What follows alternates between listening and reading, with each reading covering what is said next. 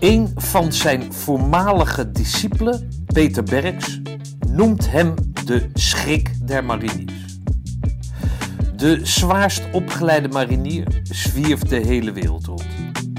In Roosendaal is hij vooral bekend als instructeur van de elementaire commandoopleiding ECO. Gedurende de tweede helft van de jaren 80. Lichting 74 nog. In deze aflevering van de Mutstas podcast. Het levensverhaal van commando gebreveteerd kapitein de mariniers buitendienst. John van Dalsen. Kapitein der Mariniers buitendienst van Dalsem, registratienummer 5406 29092. Marinenummer 036783. Als ik zeg preco, wat betekent dat? Nou, de preco voor de mariniers is een soort eh, vooropleiding, hè, zoals dat bij de, bij de KL is. Maar de preco voor de mariniers is een, eh, een vooropleiding om mensen gereed te maken voor de commandoopleiding. In mijn tijd, toen ik er zat, uh, was het zo, dat kreeg ik een, een toestroom van bijvoorbeeld een 120 mariniers. En die gingen allemaal de preco in. Terwijl ik wist, ik mocht maar 25 man meenemen naar Roosendaal. Nou, allerlei oefeningen, vaardigheden, fysiek, mentaal, uh, kaartenkompas. Dat ging gewoon uh, 14 dagen zo door. En uiteindelijk had ik een club over 25 man. Maar 120, waarom, moesten die, waarom zouden die mensen dat graag willen doen dan? Dat er 120 mensen zich aanmelden? Nou, bij iedereen binnen het korps uh, mogen verzoeken indienen voor de commandoopleiding, voor de Nederlandse commandoopleiding. Er werden ook mensen die werden gestuurd voor, door uh, speciale eenheden, bijvoorbeeld uh, amfibisch verkenningspeloton, de mountain leaders, uh, antiterreureenheid. De, het korps had heel graag dat die mensen allemaal commando getraind zouden. Maar waarom werd dat dan? Heb je bij het korps mariniers dan niet voldoende uitdaging dat je dat in Roosendaal moet gaan doen dan? Kan je dat, kan je, kan je dat eens duiden? Nou, omdat de meeste buitenlandse eenheden, bijvoorbeeld de Engelse Royal Marines, die zijn ook allemaal uh, groene beret dragend. Uh, de Amerikanen die hebben vaak allemaal een, een commando-achtergrond. Dus het is ook daarom dat dat gedaan werd natuurlijk. was ook een stuk diplomatie. En, maar ook daarbij, ja, de Nederlandse commandoopleiding van de KL die staat er toch onbekend dat mensen toch uh, door de mangel gehaald worden. Op positieve manieren. Ja. Mentaal gehard. En daar hadden heel veel mariniers daar toch wel moeite mee. Okay. Dus het is niet zo vanzelfsprekend dat de marinier, elke marinier dat kan. Oké, okay, dus. Maar heeft dat ook met de, de, de, de, het verschil in, in functie te maken dan? De taken die het Korps Mariniers heeft en, en het Korps Commandotroepen. Heeft het daarmee te maken dat de marinier daar niet aan blootgesteld wordt binnen een mariniersopleiding en daarvoor dan een commandoopleiding nodig heeft? Uh, dat is een moeilijke vraag. Het is, kijk, als je op een gegeven moment mariniersopleiding geeft, ze een basisopleiding en ze worden opgeleid tot automonteur of kok, ja, daar heb je niet een, een, een commandoopleiding voor nodig, ja. om het zo maar te zeggen. Maar ik ken ook automonteurs, die zijn ook commando geworden. Ik ken ook een aantal koks die ook gewoon de Nederlandse commandoopleiding hebben gevolgd en met goed gevolg. Dus dat is aan zich geen probleem. In die tijd konden, waren er zoveel plaatsen. En kijk, tegenwoordig wordt er functioneel opgeleid. Maar toen iedereen kon allerlei opleidingen volgen die ze maar wilden. Dat was allemaal geen probleem. Oké. Dus je werd marinier, je kreeg een bepaalde taak. En als je dan naar een, een, zeg maar een wat hogere qua geweld uh, eenheid ging, dan werd die commandoopleiding werd een vereiste.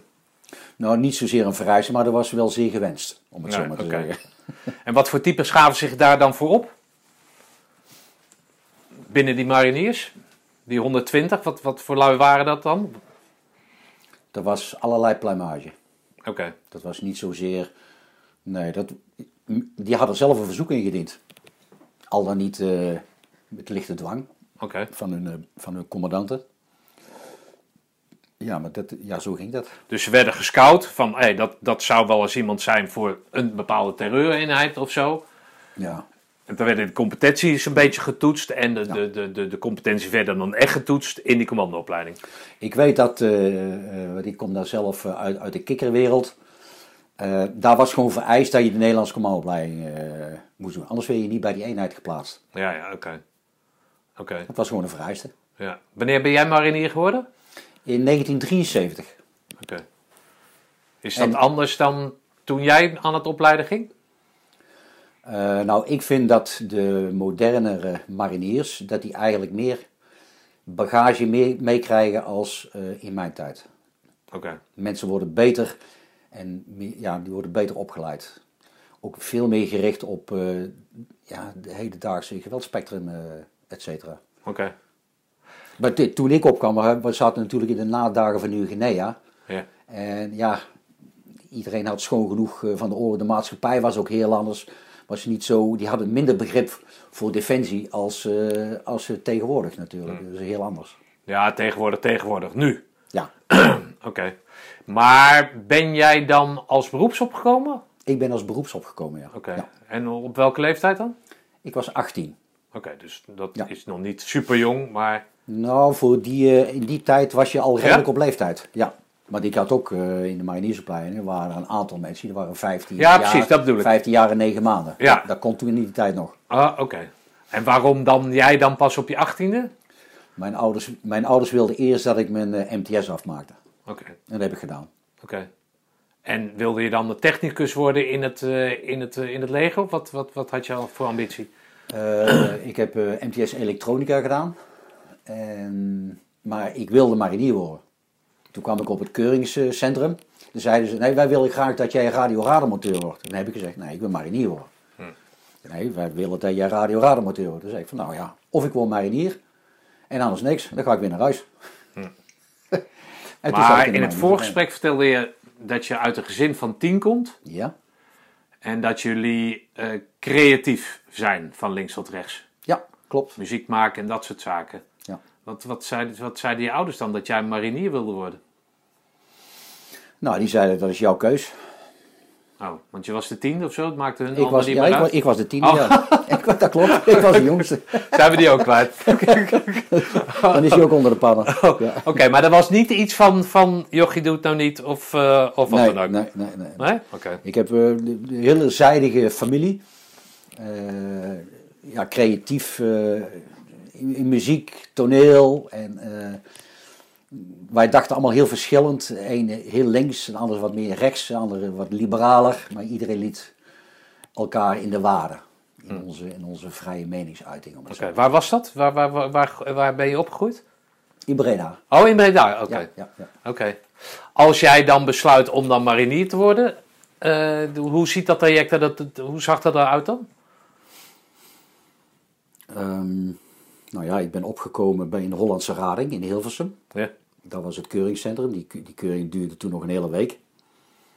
En uiteindelijk bleef je, ja, je kwam met een 150 man en uiteindelijk bleven er een man of 30 over. En die, ja, dan kreeg je een oproep. En dan moest ik eh 3 augustus 1973 eh, ben ik opgekomen in, eh, bij de Vergentkazerne in Rotterdam. 63 is gewoon eh 50 jaar geleden. Ja, Oké. ja klopt. Oké. En vanuit daar dan? Ga je dan intern in Doorn of zo, of Rotterdam? Of hoe, hoe, ziet, dat, hoe, ziet, hoe ziet dat eruit dan? Nou, de basisopleiding eh, in Rotterdam duurde negen maanden. Ja, en daarna, na die negen maanden, kreeg je ja, infanteriewerk en van alles. eh, Infanteriepionier een beetje en dat soort dingen allemaal. Explosieven. Ehm, maar daarna ging je, dus- kreeg je nog een specialisatie. Dan ging je allemaal, je, kreeg je de 4 opleiding, heette dat. Dan ben je of motorist of mietierist. Dat was allemaal verplicht voor elke marinier. Ja. Maar daarna kon je eigenlijk weer doorspecialiseren. Nou, de een ging naar de mortieren, de ander ging naar het eh, eh, tegenluchtdoel. Verkenningspeloton, eh, van alles. Ik diende een verzoek in voor. Ik, ik plaats bij de 11e, dat was toen de basis van, eh, van de BBE. BBA is? Bijzondere bijstandeenheid, dat Ja. is het begin van de antiterreureenheid. En ik diende een verzoek in voor de commandoopleiding. En dat werd toegestaan. Dus En in 74 zat ik in de commandoopleiding. Maar wat voor een doel had jij dan om die commandoopleiding in te gaan? Om je verder te specialiseren of je de mogelijkheid te geven om open te staan voor andere specialismes? Ja, ik wilde gewoon commando worden. Ah, oké. Zessa, dat kan hè. ja, ja. Waarom wilde je eigenlijk marinier worden? Mm, ja. Ik had de advertentie gezien in, eh, in het tijdschrift. Ik denk, nou. Ook de achtergrond van mijn opa, die heeft altijd op de wilde vaart gezeten. Die had altijd gevaren. Daar had ik ook eh, verhalen van gehoord natuurlijk. Nou, dat leek mij wat. Ik wilde ook varen. Leek mij wel. Wat, wat van de wereld zien. Oké. Maar niet voor volk en vaderland, dat soort, dat soort, dat soort dingen? Eh, nee, nee, je ging echt voor het avontuur. Hm. En wat dat betreft heb- ben ik ook over- overal geweest. Of niet overal, maar wel heel veel gezien van de wereld. Ook gevaren, ik heb ook echt daadwerkelijk gevaren. Eh, maar ook met mariniers en heden aan boord van schepen en dan overal naartoe. En daar dan je ding doen, om het zo maar te zeggen. Dus eh, nou, dat, ik heb er nooit geen spijt van gehad. Ja, oké. Maar jij gaat dus naar die, die, dat eerste terreur- eh, of antiterreur ding. Ja? Eh, wordt dat ge- ingezet in, in Nederland? Toen de tijd? Die eenheid, die is toen ingezet bij de trein. Oké. En bij de school in eh Wijster. Ja, de Molukse kapingen. Ja, Molukse kaping, ja. Heb je daar aan deelgenomen? Nee, daar heb ik niet aan deelgenomen. Toen, want toen zat ik ondertussen, eh, was ik over, ik was commando geworden. En toen werd ik geplaatst bij de Whisky. Oké. De, de, de Noorwegen club, zeg maar. Oké. Begin, eh, een bekende club. Hey, jouw ACO? Wie, wie, wie zaten daarin? Als instructeurs, Ja? dus de toenmalige sergeant Voets, Ja. Sergeant Rijgaard, sergeant Schepers. En ik dacht toen de sergeant-major Derks. Oké. En vanuit jullie, vanuit het Korps Mariniers, wie, wie was daar gestationeerd dan als eh, instructeur? Toen was er nog geen eh, instructeur. Oh, was er nog geen Nee, instructeur? nee, nee. nee. Oké, Dat is dus, pas in 78 gekomen. oh, oké. dus jullie deden mee met het hele programma? Eh, ja, ja. Dus ook het graven en al die ja, onzin, dat, deden jullie mee. ook? Ja. Oké, dus Nou hadden ze voor ons toen al wel ook een soort alternatief natuurlijk. Want in de vooropleiding werden mensen van de KL natuurlijk, kregen ze al eh, die waarnemingsoefeningen in die, in die leslokalen. Ja. eh, voertuigherkenning en dat soort dingen. Eh, daar deden wij niet aan mee. Oké. Dus, eh, En wat, wat, kwam daarvan in de plaats dan? Ja, eh, lange afstand eh, eh, verkenningen en dat soort dingen allemaal. Ja, oké. Doen van, hinder, leggen van hinderlagen en dat soort dingen allemaal. Oké. Ja. Maar die preco had jij, heb jij ook doorlopen dus? Of was hij er Ja, toen ook nog niet? Ja, het preko was er. Die heb ik zelf ook doorlopen. Nou gaan die verhalen wel eens, zeg maar, door alle, heet dat, alle jaren heen, dat die preco zwaarder is dan de ECO. Klopt dat? Relatief gezien dan, Nou, hè? nee, qua- nee, nee, nee. nee. De, ja, toen de tijd duurde de preko drie weken. Ja, dan ging je wel tot op het tandvlees natuurlijk. Maar dat was voor de meeste mariniers, als ze vanuit de marinierswereld kwamen, gingen de preko in. Dat was natuurlijk even een schokeffect. Eh, maar de, de, de commandoopleiding, die, dat, dat, vond ik, eh, dat vond ik net zo zwaar. Oké.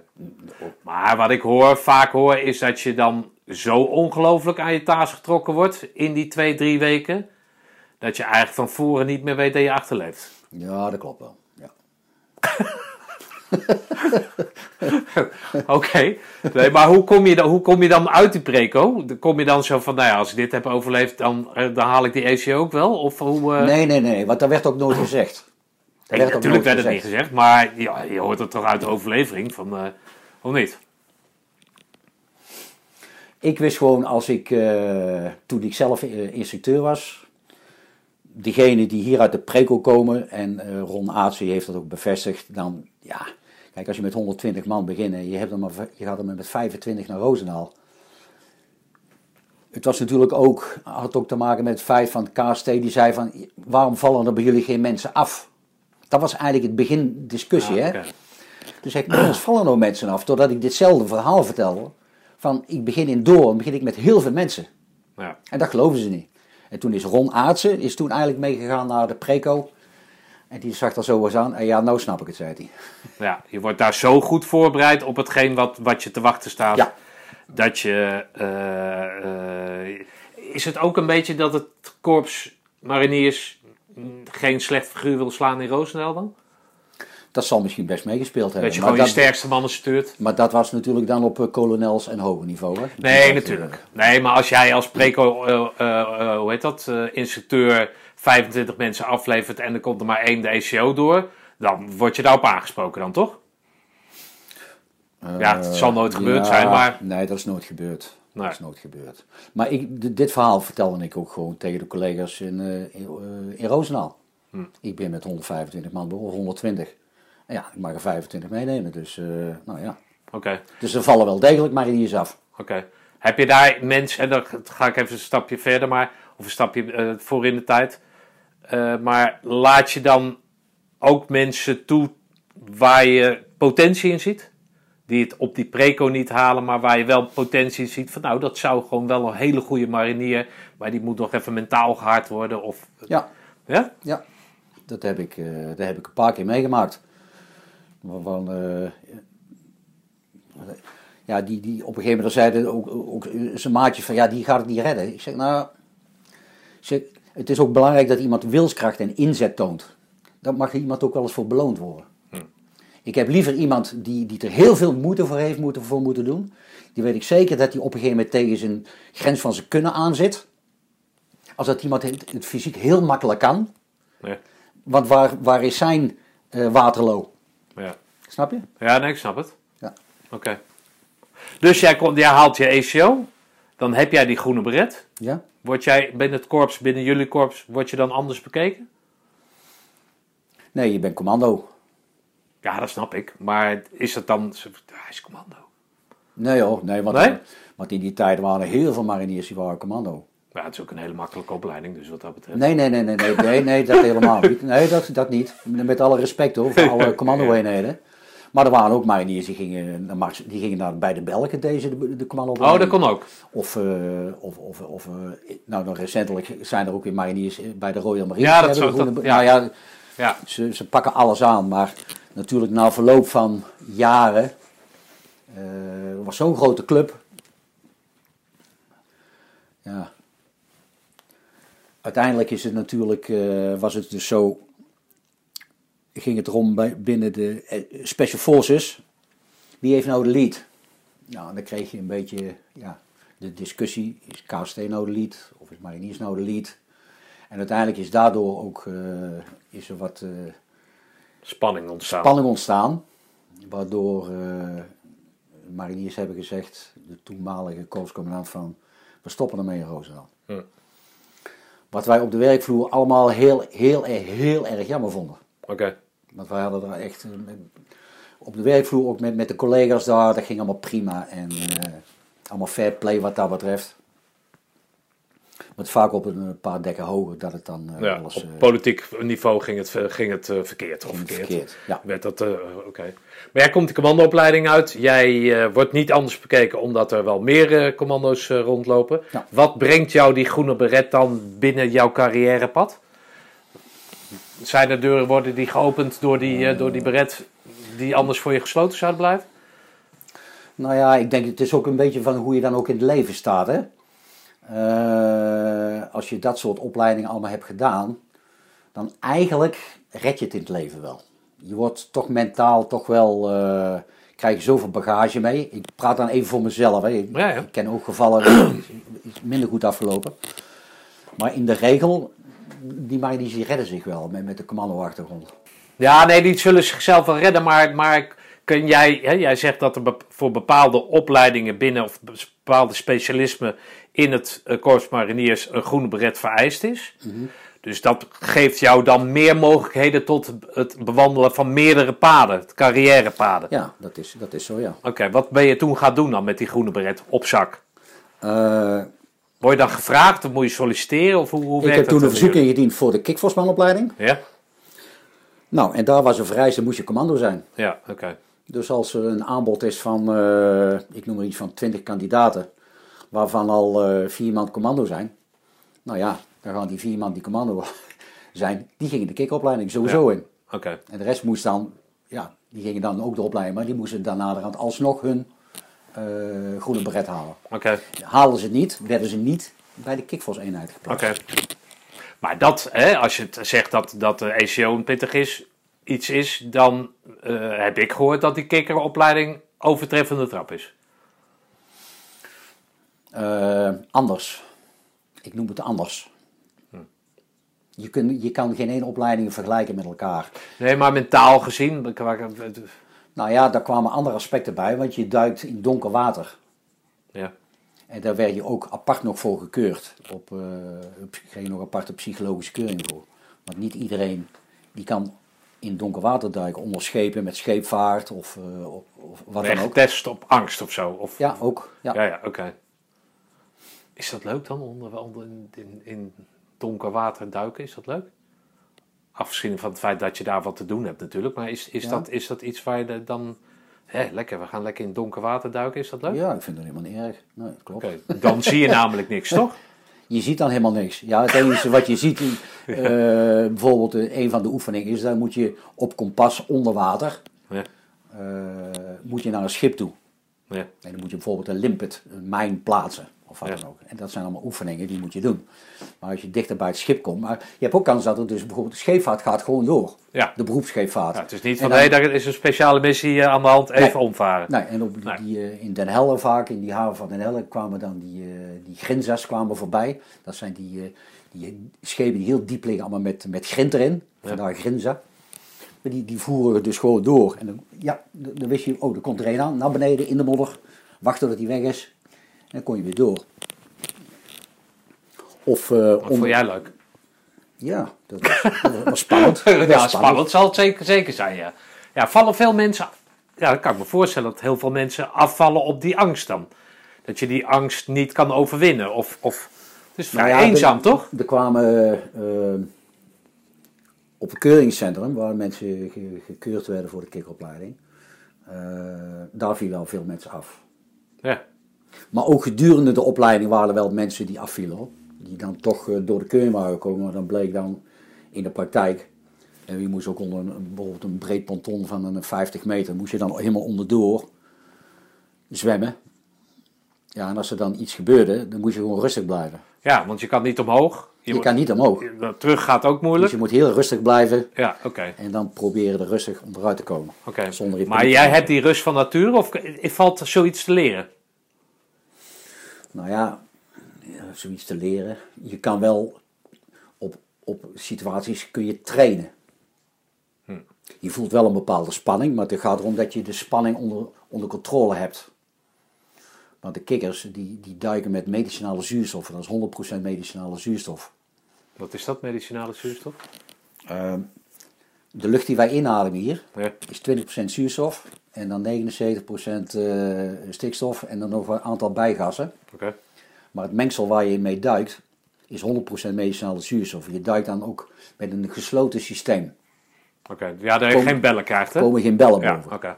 En die lucht die wordt, her, die wordt gefilterd, er wordt de koolzuur Ah, eruit zo. gehaald. Ja. Er komen geen bellen boven, je kunt overal ongezien komen. Ja.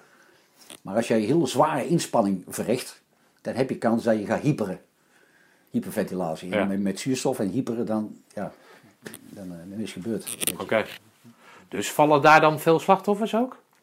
Tijdens zo'n opleiding dan? Want dan... Nee, geen slachtoffers. Nee? Nee, het is ooit een keer gebeurd dat er eh, een marinier is eh, overleden tijdens een, tijdens een, een, een oefening. Maar dat was voor mij tijd. Maar dat is ooit eens één, één keer gebeurd. Maar ja, dat is inherent aan, eh, aan de opleidingen. Nee, oké, maar als je een, een, die angst kan je natuurlijk detecteren, maar je kan het pas toetsen in de praktijk natuurlijk. Ja, Dus ja. ik kan me zo voorstellen als je 50 meter en je bent op de helft onder zo'n ponton en de angst slaat dan toe, weet je wel, eh, ja, dan, dan kunnen de meest vreselijke dingen gebeuren. Maar dat, dat valt dus wel ja, mee. maar dan, dan komen de mensen zelf gillend het water uit. Ja, oké, maar dan moet je eerst nog 25 meter daarheen. ja, ja, Ja. dat klopt. Ja. Oké. Wat ben je daarmee gaan doen met dat, met dat kikkerding? Is, is dat, is dat, hoe ziet dat Uiteindelijk- eruit, uiteindelijk zo'n ben ik-? Uiteindelijk ben ik geplaatst bij het, eh dat heette toen de vaste kikkerploeg. Ja. Daarna heette dat de amfibische sectie. En uiteindelijk is dat het amfi- amfibisch eh, verkenningspeloton. Dus ja, het doen vanuit eh, het doen van ehm, het voorbereiden van amfibische operaties. Dus het naderen van het landingsstrand voor Ja. amfibische eenheden. Het onklaarmaken van onderwaterhindernissen. eh, Mijnen en zo. eh, versperringen wegblazen en dat soort dingen. Dat was het. Maar tegenwoordig is het dat niet alleen meer natuurlijk, maar het is ook meer antiterreur. Het continentale plat, eh, schepen, ondersteuning, alles wat er met water te maken heeft. Drugs, ja, alles vanuit het water. Oké, maar in jullie tijd, wat, wat was jullie hoofdzakelijke activiteit dan? In mijn tijd, eh, wat, toen ik erbij zat, ik heb er eh, eh, drie keer bij gezeten bij die eenheid. En dat varieerde van antiterreur, continentale plat, Wat is continentaal plat, continentaal plat? de, de Booreilanden Oh, in zo. de Noordzee. Ja, ja, oké. Dus voor terreurdreiging. En je had ook nog Seven Troep SBS. Dat was een geïntegreerde, geïntegreerde eenheid binnen de Engelse Royal Marines. Van de SBS, Special Boat eh, Service. Oké. Dat was dus ook alles, maakte deel uit van de derde commandobrigade van. Engelsen. En daar waren wij En met gewoon- zoveel waren jullie dan? dan? eh, binnen zo'n eenheid eh, zaten we met, met een troep, dat is een, ja, ik denk een man of eh, 12, 13 ongeveer zoiets. Oké. Daar zaten we, waar zaten we daarbij. En waarom vulden zij dat dan niet zelf in? Waarom hebben zij zelf niet 13.000 dan? Waarom, waarom voegen ze dat Nederlandse dan? Eh, ik weet niet of je wel eens gehoord hebt van het eh, UKNL Landing Force. Dus dat, eh, dat bestaat al meer dan 30 jaar. Samenwerking. Samenwerking is eenheid. en wat, wat bijvoorbeeld de Nederlandse landmacht heeft met, met, met, met de Duitsers. Ja. Sowieso samengestelde eenheid. Vrij actueel nu, hè? Ja, ja, ja. Ja. ja, dat Ja, kun je nee, wel- daarom zeg ik wel zeggen, ja. ja, dat kun je wel zeggen. Nederland was dus, en, en de, de Seven Troep, onderdeel van de Engelse Royal Marine Brigade. Oké. Gewoon in NATO-verband, zeg maar, of zo is dat dan. Nee, maar ook, ook eh, eh, oefeningen, inzetten, eh, et cetera. Dus ja. Oké. Waren jullie gelijkwaardig aan hun? ja, ja, zeer zeker. Ja? Wij ook, bij- Vonden jullie dat zelf? Vonden zij dat ook? Dat vonden zij ook. Ja. We kregen dezelfde opdrachten als de andere eenheden van de SBS. Oké. En we trainden ook samen. En hoe is dat, dat contact dan? Is dat, is, dat, is dat warm met die Engelsen? Of, eh? Ja, dat gaat heel goed. Dat is Ja? prima. Ja, die- dat gaat prima. Ja. Eh, ik heb zelf bij de drie sectie nog gezeten. En dan moest ik voor de derde commandobrigade, was ik dan moest ik op een gegeven moment gingen we schieten op Sandy Bridge in, eh, in Wales. En dan was ik de representative van de derde commandobrigade. En dan moest ik voor alle Engelse en Nederlandse eenheden ging ik dus het schietbaan organiseren, regelen en plannen. Oké. Nou, nou ja, daar, daar zat ik met mijn sergeant gezicht en ik moest dat even regelen. Dus,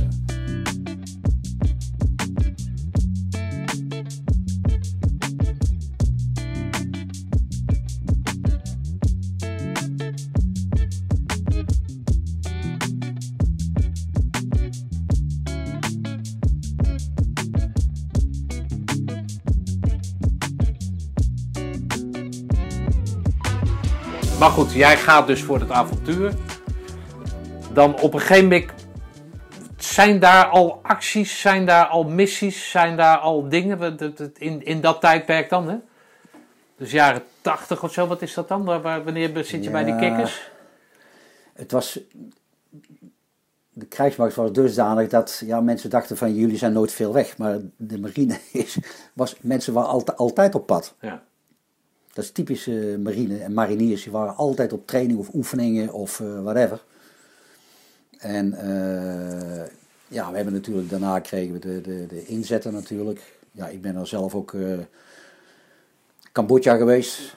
Dat was ook een geweldige, ja, een geweldig mooie ervaring. Omdat, ja, je gaat er wel voor het echt in natuurlijk, maar toch, land, de cultuur, vond ik geweldig. Hm. Om, daar, om daar te zijn.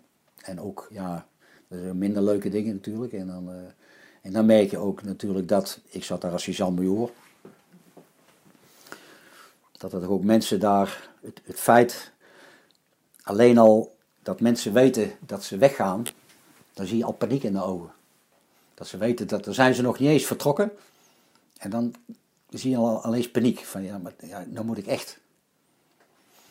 En ook dan in het echt dat er situaties zijn dat er mensen in bush gereden of er werden beschoten of wat dan ook. En dan, eh, ja, dat zijn toch aparte eh, ervaringen. Ja. Dat is, Maar ja, jij bent militair in hart en nieren. Toch? Ja, ja, ja. Doe je dat daar dan voor? Ben je blij dat je daarheen mag? Ben je blij dat je op missie mag? Ik hoor wel eens van, ja, daar doe je het voor. Daar train je voor al die jaren. Dat Omdat- train je uiteindelijk wel voor, ja. Ja, Ja, dat klopt. Maar ben je dan blij dat je dat avontuur mag aangaan?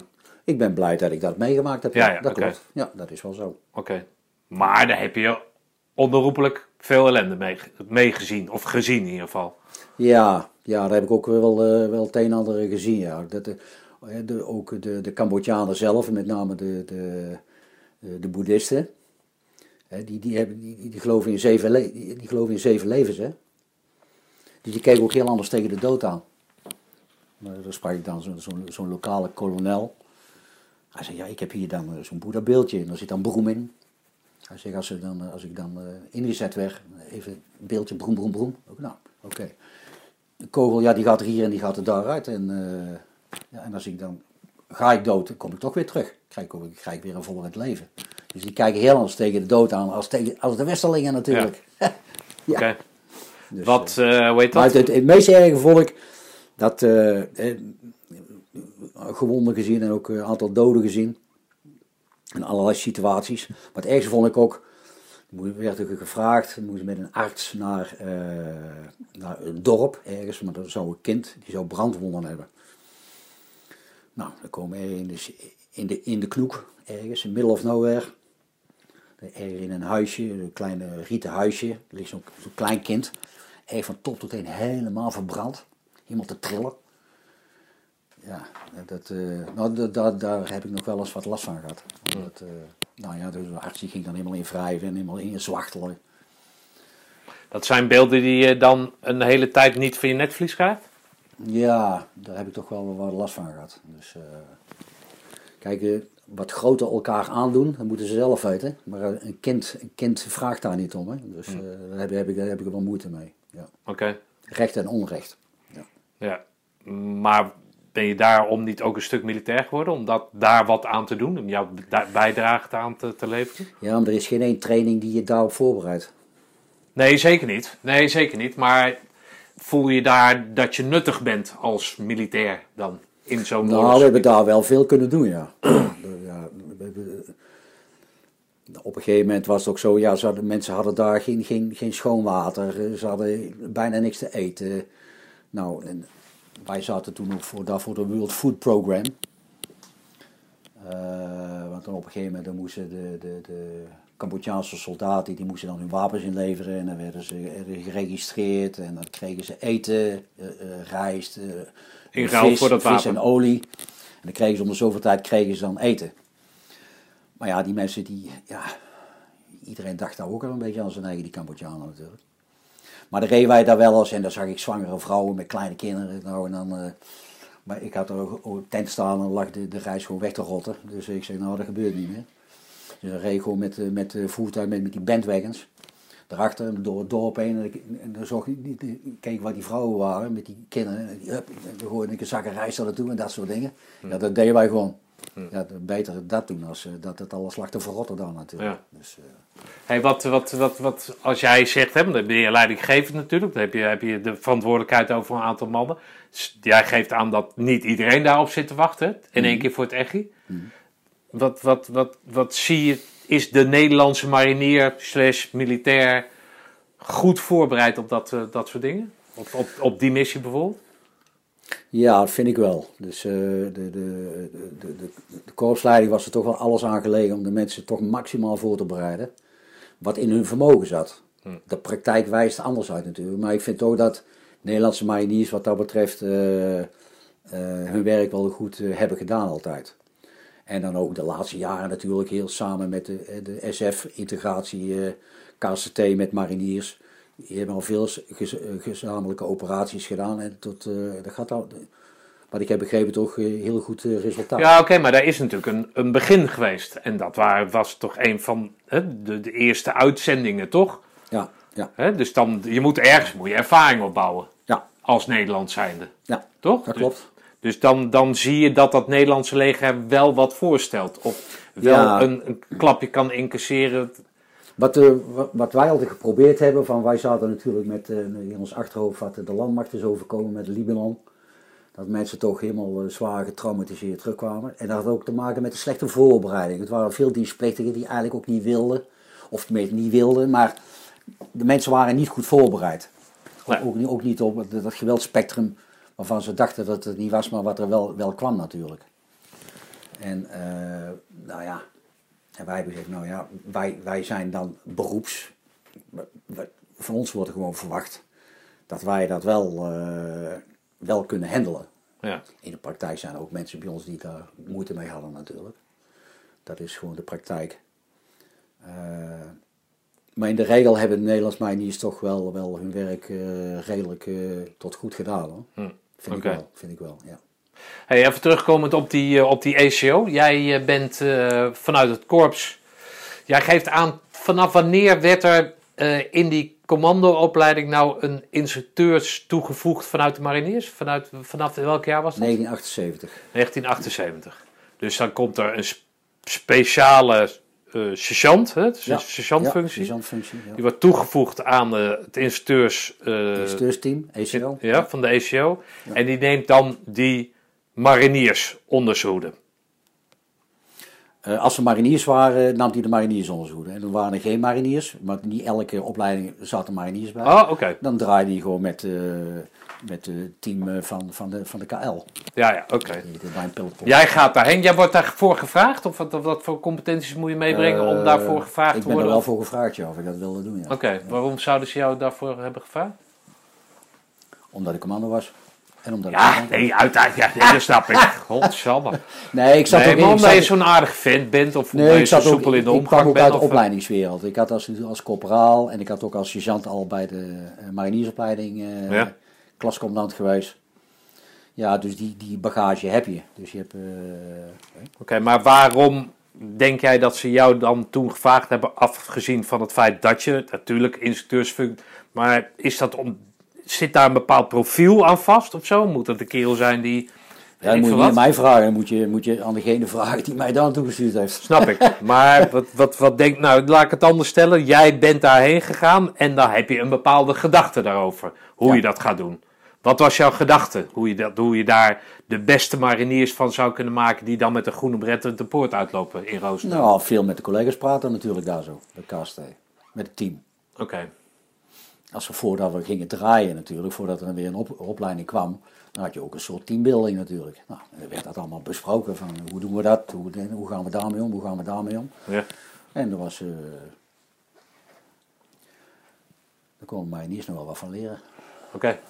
Hey, en en hoe, hoe is die sfeer daar dan? Wat is het verschil tussen een, een marinier en een commando in, in een instructeursfunctie? Past dat makkelijk?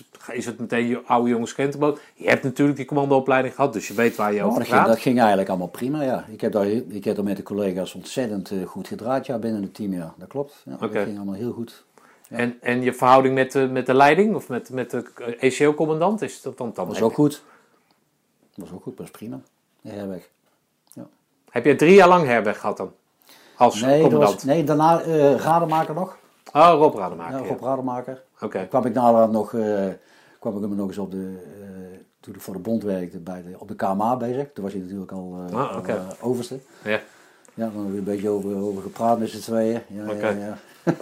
Ja, dat zijn dan leuke dingen, ga ik aannemen. Ja. dingen, Dus, afgezien van het feit dat je natuurlijk een groene beret hebt, maakt het niet uit of je bij het KST gelegerd bent of bij het Korps Mariniers en uitgeleend bent aan. Dat is geen verschil. Er zit geen verschil tussen mentaliteit of dat je denkt van hé, dat is echt een KL'er en bij ons doen we het anders. Het, jullie zijn gewoon defensiecollega's. Zo voelt dat. ja. Dus dat, dat gaat makkelijk in elkaar om. Maar de, de, ik vond de, collega's van de KL eh, zeer eh, vakbekwaam en, eh, en ook zeer gedreven altijd. En Hmm. Gewoon allemaal heel positief hoor. Dus ja, dat was echt een petje af. Oké. Schets mij eens een week van een, een ACO waarin jij dan mariniers hebt. Ja, dus je- jij, jij bent dan ACO-instructeur, maar doe jij dan ook die preco of doet iemand anders dat? Nee, ik doe ook de preco. Je doet ook de preco? Ja. Ah, oké. Ik draai de preco op een aantal weken, op een bepaalde tijd. En dan eh, neem ik die club mee naar Roosendaal. En dan, eh, Dus dat hele verrassingseffect van eh, wie zouden we nou krijgen, dat is er voor die mariniers af, want ze weten dat ze diezelfde Nou ja, ze persoonlijkheid voor de groep krijgen. Ze zien natuurlijk ook, zie je natuurlijk ook eh, dan, dan zien ze pas de collega's van de, van de landbouw. Ja, uiteraard. Nee, oké, maar ze, jou kennen ze. Mij kennen ze Ja, en eh, collega's van de KL kennen ze die natuurlijk. ja. Maar de- Nou heb ik jou eh, weten te verleiden tot dit, eh, tot dit interview, eh, omdat ik je een geluidsfragment eh, stuurde van, eh, van Peter Berks. Ja, Eh, en die haalde jou aan, of die, die, ja, die, die schetste jou, eh John van Dalsem, de schrik der mariniers. ja, dat kan. Hij verblikt of verbloost niet, dames en heren. U kunt niks zien, maar hij verblikt of verbloost niet. Zijn, zijn blik wordt alleen maar harder. nou, nee. nee. Nee, maar waarom, waarom, ja, waarom zou hij dat zeggen? Dat snap ik waarom. dit- Maar schets mij eens. Hè? Je zegt, nou, 120 man, er blijven er 25 over. Hij zegt in dat geluidsfragment, op een gegeven moment waren we met zoveel mensen over, maar er waren 25. Dus we gingen net zo lang door totdat het er 25 waren. Is dat overdreven of niet? Dat klopt. Oké, maar hoe maak je, hoe, maar, hoe, hoe doe je dat dan? Hoe je dat doet. Ja, Ja. Ja, bij het korps hebben we het gezegd, net zo lang met, met de boom schudden, totdat er nog maar 25 in hangen. Daar komt het in feite op neer. gewoon eindeloos doorgaan. Ja. Nog 27. Nog 26. Zo, Ja. Ja, zo ging dat. oké. Dat is tegenwoordig onvoorstelbaar. Dat zou tegenwoordig ook niet meer kunnen. Nee, Dat zeker ik. met jouw vakbondachtergrond. Nou, ja, ja, ja. Maar uiteindelijk zeiden de mensen, ik stuurde ook niemand weg. Ze gaven zelf Ze op. gingen zelf weg. Ja, ja, oké. Dat is een groot verschil, hè? Ja, oké. Maar er is iemand verschil. die hun daartoe toe aanzet, toch? Tot opsteken van Hans hand of, of het Ja. ringen van de bel of eh, whatever. dat is, dat is bij, maar zo gaat het bij alle opleidingen. Ja, oké. Dan eh, heb je er dus 25 geselecteerd. Dan ga je dus naar Roosendaal. Ja. En dan krijg je diezelfde 25. Ja? dan is, is de bedoeling van die, van die commandoopleiding, wat je zelf ook aangaf, het mentaal harde hè, van die kerel. Ja. Het zit vooral in dat mentale, hè, omdat merendeel van die mariniers, die zijn natuurlijk al een tijd marinier, dus Mhm. die weten wat militair zijn is. Dat mentaal harde, tot hoe ver ga jij dan? Dat, dat mentale harde, zit daar, zit daar een bepaalde stop op? Wat, heb je zoiets van, ik wil ze al één keer in de zoveel tijd of één keer in die commandoopleiding, wil, ze, wil ik ze tegen hun dieptepunt aan laten komen? Of hoe, hoe, hoe gaat Ja, dat? maar ja, dat is voor elk mens verschillend natuurlijk. Dat is... eh, en dat geldt ook voor de KL'er. Dat geldt, dat geldt voor elk mens. Elk mens heeft zijn plafond. Elk mens heeft zijn eigen grens. Iemand die al getraind is, ja, die grens ligt wat verder. Eh, maar als we een groep mariniers hadden, ja, die kregen heel ander soort oefeningen als, eh, als de mensen van, van de, die voorbestemd waren voor de 100, eh, 104. Ja, oké. Dus dat, dat, wat je al aangaf, die puttengraven, dat, dat herkennen, die, die eh, weet ik wat, eh, hoe noem het, eh, morsen en Ja, weet ja. ik wat, dat was weg. maar als je nou een hele sterke vent, hè, als jij nou een hele sterke vent tegenover je had, Mhm. die niet te kraken was, ging je dan net zo lang door totdat hij die bodem had geraakt? Nee, het ging er niet om dat hij gekraakt moest worden. Daar was het niet om. Hij- men moest gewoon aan bepaalde eh examen-eisen voldoen zijn, om het zo maar even te zeggen. En bij de een ging dat makkelijker als de ander. Maar bij sommigen zag je, zag je dat gebeuren. Maar je zag het ook bij mensen gebeuren waarvan je het niet verwacht had. Ja. Heel mens eigen. En, en, en, Nee, snap ik. Maar waar ik naartoe wil is. ijzersterke kerel. Wil je Ja. die dan, hè, ondanks dat het niet in de syllabus staat, hij voldoet aan alles. Maar wil je die dan voor zijn eigen bestwil, hè? want daar gaat het toch over, als instructeur zijnde. Voor de eigen bestwil de bodem laten raken.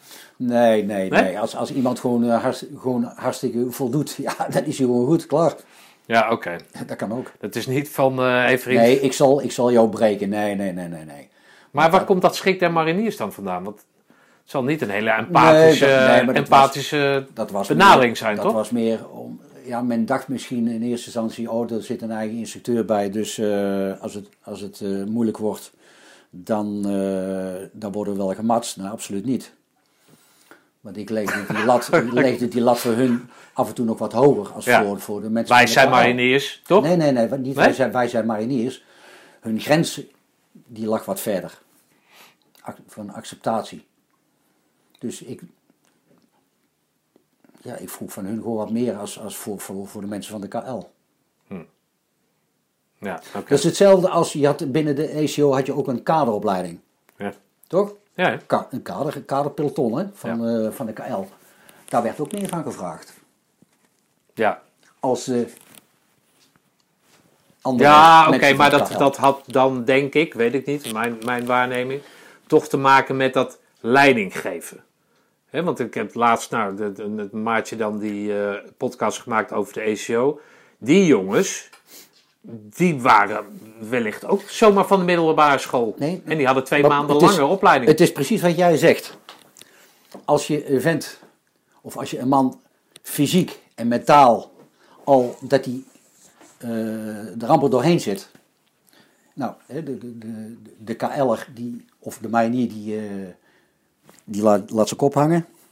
Van dat kaderlid, van die de kader, wordt er nog verwacht dat hij dan nog zoveel heeft ja, dat hij toch nog de club kan leiden. Nou, Ja. het is eigenlijk voor die mariniers precies hetzelfde. ja. Snap je? Ja, nee, juist, juist omdat hij wat meer eh, ervaring heeft. hebben. Ja, Nou, nou, oké. maar eigenlijk komt het precies op hetzelfde. Ja.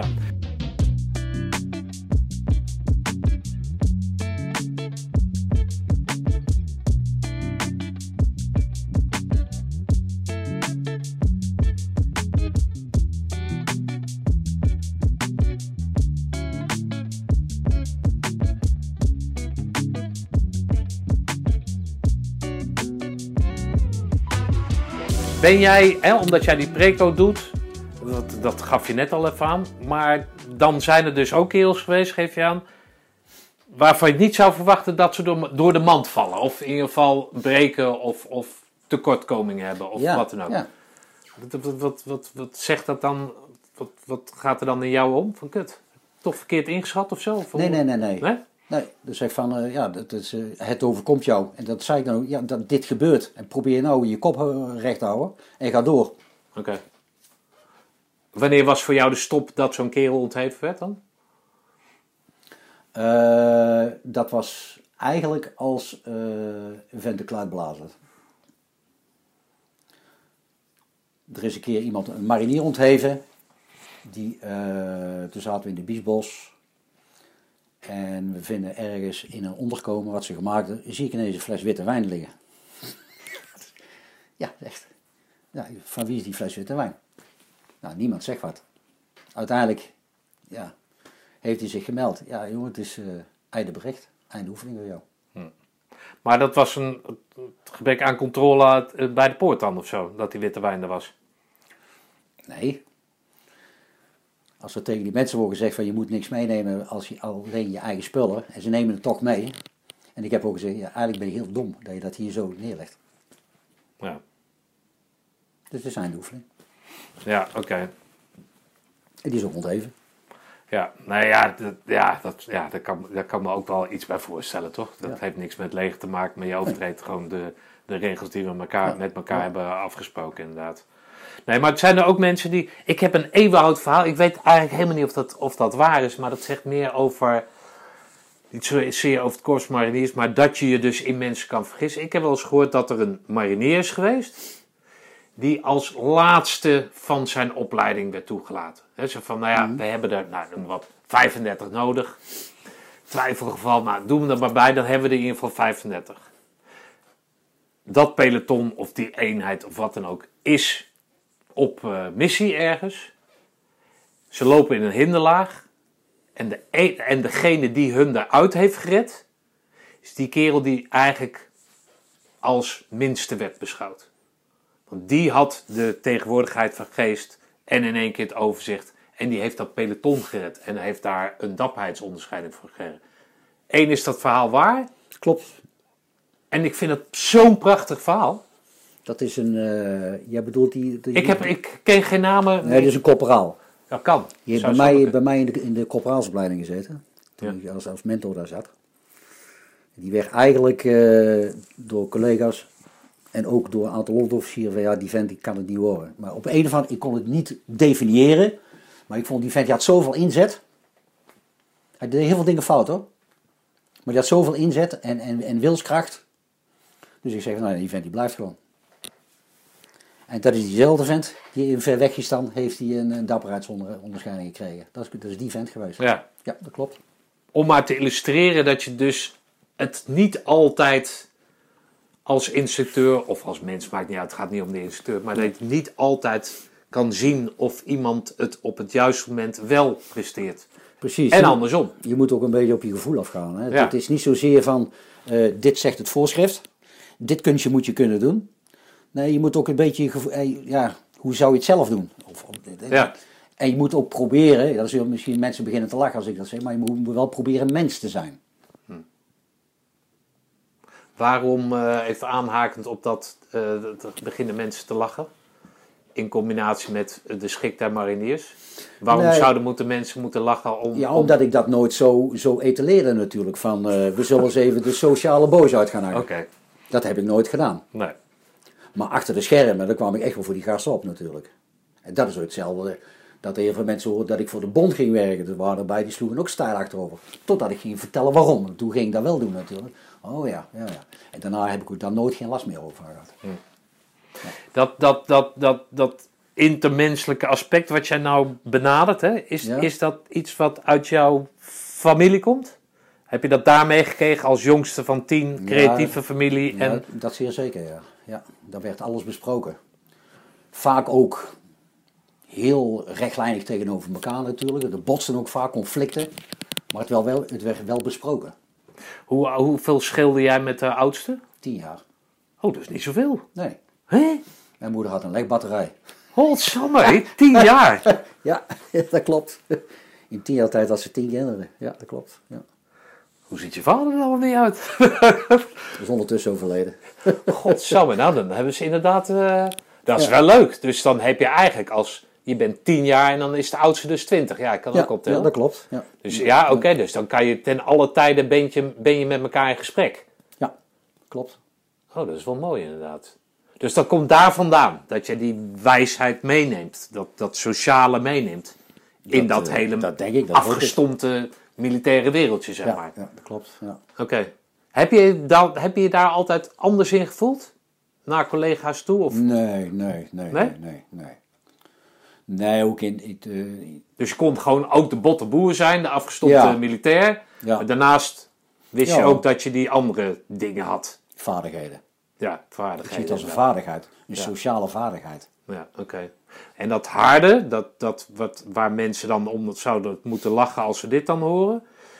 Dat harde wist je ook, zeg maar, in, in een in een één op één contact met iemand die er doorheen zat. Had je dan niet alleen maar straffen worden, maar had je ook Ja. de, de mogelijkheid voor jezelf om hem Kijk, dat is, dat is, dat met spreken? opleiden. Dat is met opleiden. Bij de een, ja, die zul je, die zul je bestraffend toe moeten spreken. Maar bij de ander een normaal, even een, normaal gesprekje. Van hoe is het en dit en dat. Werkt, dat kan al heel goed werken. Ik heb natuurlijk ook nog, eh, na mijn diensttijd, heb ik, want ik heb aan dit heel veel gehad. Want ik ben daarna, eh, na mijn diensttijd, ben ik voor justitie gaan werken. Voor taakstrafjongeren. Drie keer raaien waar. In Roosendaal. Dus dat waren taakstrafjongeren die, eh, die waren al helemaal, ja, dat ging allemaal fout. Dan kregen ze nog één kans en dan kwamen ze bij mij. En ik heb dat samen met, Dus jij, jij, je hebt een overtreding gemaakt, of je wordt veroordeeld en dan heb je een taakstraf. ja, Die verprut je. ja dan kregen ze nog En dan een kans. loop je nog een keer tegen iets aan. Wat moet er met je? Je hebt al een paar keer in het paard. En dan kwamen ze bij jou. Dan kwamen ze bij mij. En, en later is Harry Luiter er ook bij gekomen, ook oud commando-instructeur. Harry Massers heeft er nog bij gewerkt. Ja. Eh, Pieter Zwaans, ook, ook een KL-instructeur. Dus uiteindelijk draaiden we dat met z'n vieren. En we begonnen in Roosendaal. Toen hebben we er Tilburg bij gekregen en Breda. Uiteindelijk hadden- zaten we in drie plaatsen waar we dat met die taakstafjongeren. En dan waren jullie zelfstandig dan of zo? Of waren jullie in dienst van de gemeente? Eh, nee, wij waren ZZP'ers. Wij waren ingeschreven gewoon Kamer van Koophandel. En wij draaiden, de- wij heten op koers, heette dat. Ja. Een beetje marineachtergrond, hè. Koers. 1665 heette het trouwens. Oprichtingsdatum van het korps. Oké, mooi. Ja. En, eh, nou, en de gemeentes die waren, en ook de Raad van de Kinderbescherming, die waren razend tevreden. Dan zeiden ze van, ja, Nou komen er eh, komende zaterdag komen er weer een paar. Ja, die hebben dit gedaan en dat gedaan. Ik zeg, hoe oud zijn ze? 13 jaar. Nou ja, dan kwamen die jongetjes aanlopen. Je zou ze zo een lolly geven natuurlijk. Want, ja. Meneer, waarom moeten we dit... dit- waarom moeten, Sorry dat ik je onderbreek, maar wat hadden die jongens dan op hun kerfstok? Eh, die hadden een, eh, een, eh, een vrouw van in de 80 hadden die beroofd. Ja, de- 13 jaar hè. Dus, en dan kwamen ze zo, wat moeten we doen hier? Ik zeg, nou, ga nou eerst eens even terug naar de hoek van de straat. Zet die capuchon af, doet die zonnebril af.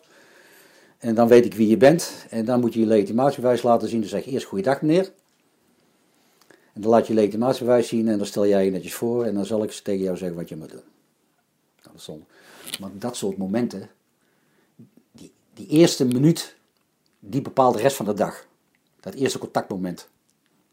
Nou, en- zo, en zo werkte Harry ook. En eh, Harry Massels ook. Het ging feilloos.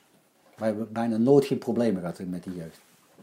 Maar wisten zij dan dat jullie die achtergrond hadden? Nee, wisten ze niet. Oké, het is gewoon de mate waarin je wordt aangesproken Ja. dat je zoiets hebt van, ja. oké, wat, wat, wat, En we begonnen in Roosendaal natuurlijk, ja. En die jongeren werden gestraft. Er zaten ook meisjes bij trouwens hoor. En eh, we liepen gewoon door het centrum van Roosendaal. Moesten allerlei eh, schoonmaakdingen of allerlei soorten werkzaamheden doen. Maar het ging er eigenlijk om, er waren ook heel veel culturele achtergronden. Hè? De, eh, donkere jongens, Marokkaanse jongens, Nederlandse jongens, eh, Turkse jongens, van alles. Eh, ja, daar was je heel de dag met zo'n groep bezig, hè? met acht man. En dan ook die, die, die, die spanningen onderling met, met die jongeren. Nou, daar was je dus ook altijd vaak eh, mee bezig. Hè? Dus om, om- die groep te proberen te laten samenwerken. In ieder geval proberen dat ze eens een keer met elkaar gingen praten. Dat, dat soort dingen. Ja, dat was, was ook heel leerzaam. Heel, heel. Heb je daar dan, krijg word je dan nog op de hoogte gehouden van hoe het met die jongens is afgelopen? Voor de rest van hun leven? Voor de rest van hun leven, maar in ieder Eh, geval. nou ja, het waren jongeren, jongeren die. eh, de een had acht, kreeg acht uur taakstraf, die was er binnen een dag vanaf. Maar wij hebben er ook gehad van 120 uur. Dus die zag je een aantal maanden. En uiteindelijk. eh, ik heb ooit een keer gehad, toen woonde ik ergens anders. Toen werd ik aangebeld. Er was iemand die probeerde weer zo'n zo'n zo'n energiecontract aan te smeren. Ik denk, die gast die ken ik. Die gast die herkende mij ook. Ik zei, je toevallig een taakstraf gehad bij mij? Ja. Ik zei, nou, dan ben je toch goed terechtgekomen, hè? dat is dan heel leuk. Ja, ja, dat is leuk. Ja, sommige, sommige jongeren die bedankten ook, hoor. Of die, die bedankten je dan. Nou, nou, je krijgt dan toch een band mee. Eh, het, het is ook wel eens fout gegaan, maar het rendement was ongeveer zo'n zo'n 70% Dat het goed afliep met die gasten. Geloof jij in, in, in dat systeem van taakstraf? Ja, ja, daar geloof ik in. Absoluut. Wij hebben dat, dat meer dan tien jaar gedaan. Oké. Maar uiteindelijk om reden van eh, de knaken natuurlijk, is dat eh, is al stopgezet. Oké, maar in het instituut taakstraf zie jij geen beter alternatief? Voor mensen die een bepaalde straf op een bepaalde leeftijd moeten hebben. Ja, ik vind dat een heel goed, Ja? een goed fenomeen, ja. Ja, ja, ja, ja. Maar je moet er wel goede mensen voor hebben. Goede begeleiding. Goede begeleiding. En dat vind ik dan met name eh oud-militairen, die zijn er uitermate geschikt voor. Ja. Het is alleen al het feit dat de gemiddelde jeugd s'morgens om 8 uur, s'morgens vroeg in het station Ergens op moet zijn. Ja, ja. Ja, maar de meesten die liggen allemaal tot 11 uur op de nest. Ja, nou, Ja. is- nou zeg ik het een beetje overdreven misschien. Maar die zijn niet meer gewend om zo 's morgens vroeg eruit. En dan, hup, vanaf 8 uur eh, op de kamelen, bezem, vuilniszak, hup, en we gaan er zo. Kijk eens hier, de hele grote markt in Roosendaal, al dat vuil is allemaal voor jullie. jullie mogen er alles, alles in. Ja. Nou, Hey, dus- hoe is dat, eh, dat werken met eh, ongemotiveerde jongeren dan in vergelijking met de jongens waar jij altijd mee hebt mogen werken? Mm, Het zijn over het algemeen natuurlijk mensen die gemotiveerd zijn, toch? Een bepaalde ja, ja, missie ja, hebben. ja, ja, ja, ja, ja.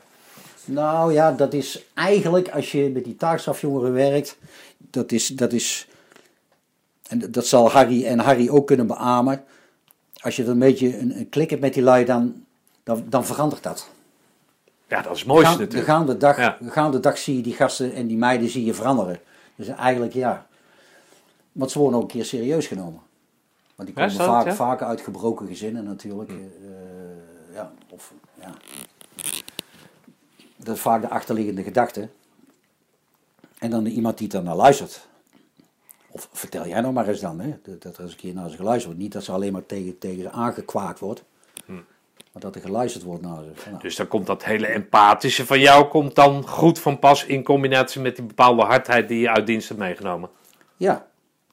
Eerst in eerste instantie die, dat contactmomenten met die, met die jeugd. Heeft je grenzen Jij stellen. zult gewoon doen wat ik zeg. Waarom? Gewoon omdat ik dat zeg. En, eh, en dan gaande de dag ga je eens met die lui eens een beetje praten. Of met die gasten eens een beetje praten. En dan eh, zie je ze helemaal als een blad op een boom zie je ze omdraaien. Grappig. En dat heeft toch... eh, En de Raad van de Kinderbescherming, die, wa- die waren altijd tevreden. En ook de gemeente Roosendaal was altijd tevreden. Want de stad zag er, er nooit zo schoon uitgezien. dat is echt...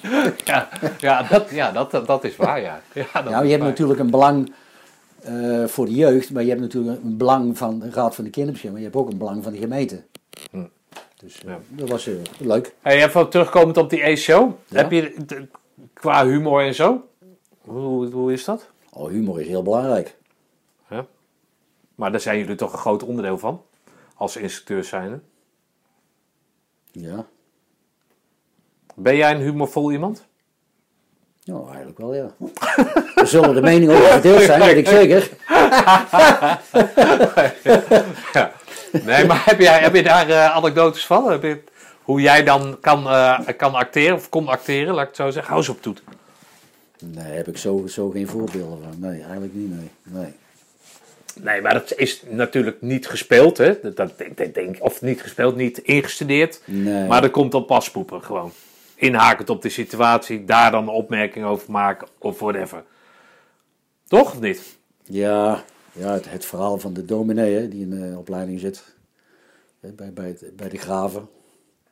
Van dominee, jij zorgt ervoor dat er elke keer bloemen staan hier. Hè? Oh, zo ja. ja, ja. dat ja. soort- dat Ja. soort dingen. Ja, ja, ja, oké. Ja, maar... Ja, ja, dan... eh, Ja. Hoeveel jaar hebben die gedraaid?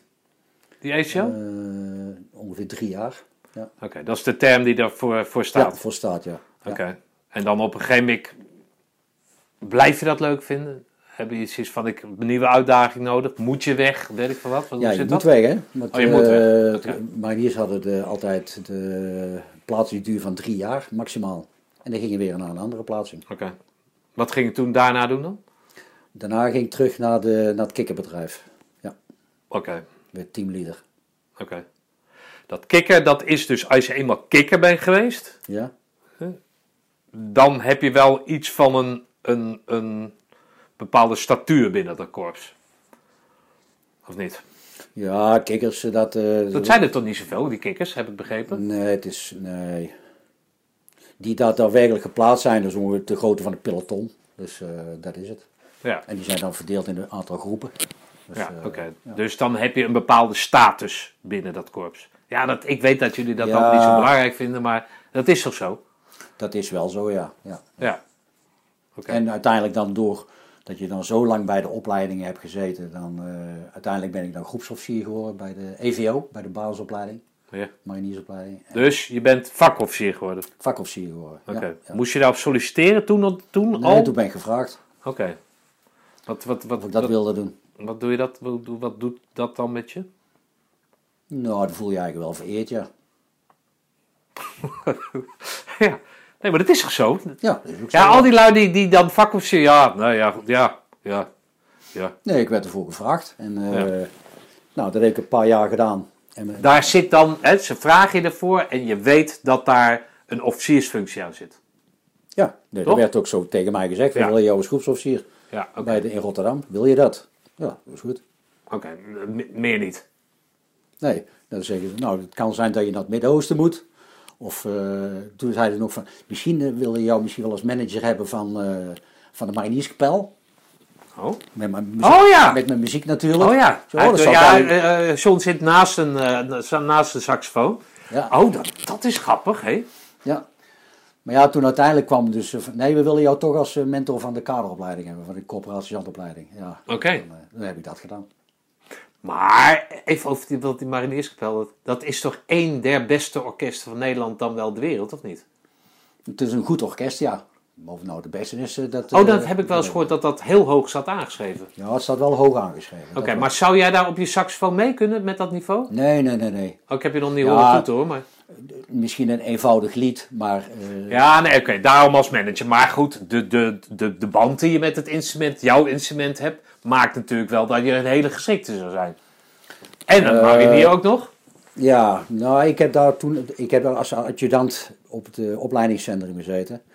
En ik kwam regelmatig bij die marinierskapel en ook met die onderofficieren, met die muzikanten praten en dit en dat. Ik heb ooit nog eens een keer op een feestavond, stond ik op een sax, eh, stond ik met de combo van de marinierskapel, Ah, ja? stond ik mee te spelen, ja. Oh, lachen. Hun vonden dat ook leuk. Ja. Zijn dat allemaal mariniers?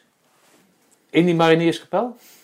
Of zijn dat Eh, mensen die een marinierspak aan hebben? Ze hebben allemaal een, eh, het zijn muzikanten, ze hebben allemaal eh, een conservatorium Ja. en ze hebben het pak aan. Ze hebben dan wel een, een, een introductiecursus gehad, om het Ja, zo maar ja, te zeggen. Maar het is niet dat ze een mariniersopleiding hebben gedaan. Nee. De tamboers en pijpers van het korps, die hebben dat wel. Oh ja? Ja, die hebben ook tamboers en pijpers. Maar die hebben een muziekachtergrond dus. Of zijn die eerst marinier geworden en denken, nou, we hebben ook een stel pauken nog, doe dat maar. Niet. De tamboers en pijpers, in, in principe, dat zijn mensen met interesse voor muziek. Ja, ja, oké. Ja, op de, hoe heet de basisschool van mijn zoon zat een eh, vader, zijn zoontje, en de vader daarvan. Die was bassist volgens mij. En die speelde een aantal andere instrumenten. En eh, beroepsmuzikant. Ja. En die had allemaal militaire pakken in zijn eh, kledingkast hangen. Oh, oh, dat kan. Want die werd gewoon ingehuurd. Dan had hij weer een luchtmachtpak aan of zo. En, weet je wel. Vond ik zo grappig. Ik denk, ja, hoe ken dat nou? Ja. Maar dat kan dus. Ja, Ja, dat kan. ja, dat Want ik zit, ik zit bij een big band. En onze muzikaal leider, dat is eh, Jurgen van Nijnaert, oh, die naam mag ik gewoon zeggen. En, eh, maar die, zit, eh, die maakt deel uit van de uh, orkest. Oh, oké. Maar ook als ZZP'er. Ja, ja. Dus die heeft ook zo'n Ja. zo'n uniform in zijn kast Ja, hangen. mooi. En dan moet hij komen en dan Ja. hij dat pak op. En dan gaat hij trompet spelen. Ja, grappig, ja. Maar die is ook een hele goede muzikant, hoor. want die speelt ook in het orkest bij hoe heet die, Guus Meeuwis. Ah, oké. Dus die, die, kunnen goed, eh, die kunnen goed spelen. Oké. Ja. Hey, dus jij wordt officier. Ja? Ehm, ben jij dan al gescheiden of niet? Nee, nee, nee, nee. Oh, dus de- dat maakt jouw vrouw mee en dan zit je dus in Rotterdam. Dus dan kom je al nader tot elkaar, of niet? Qua tijd. Je bent wel wat meer thuis, ja. ja. Hm. En? Is dat dan een leuke functie? Want dan is het hele avontuur er wel een beetje af, of niet? Dat hele avontuurlijke leven. Als je die verantwoordelijkheden Nee, hebt. dat is ook weer, want je bent allemaal met mensen bezig. Hè? Dus eh, met, met zo'n majoniersopleiding, ja. Er zijn ook mensen die, die eh, ook het rendement, of het afvalpercentage is daar heel vrij hoog. Dat is minimaal 50% valt gewoon af. ja? Ja, ja. Oké. Dus er gebeurt ook van alles. Dus je bent heel de dag bezig met, met troubleshooting en met mensen van... eh, ja, of ze moeten weg, of eh, ze willen weg. Of ja, hetzelfde als een eigenlijk. Oké.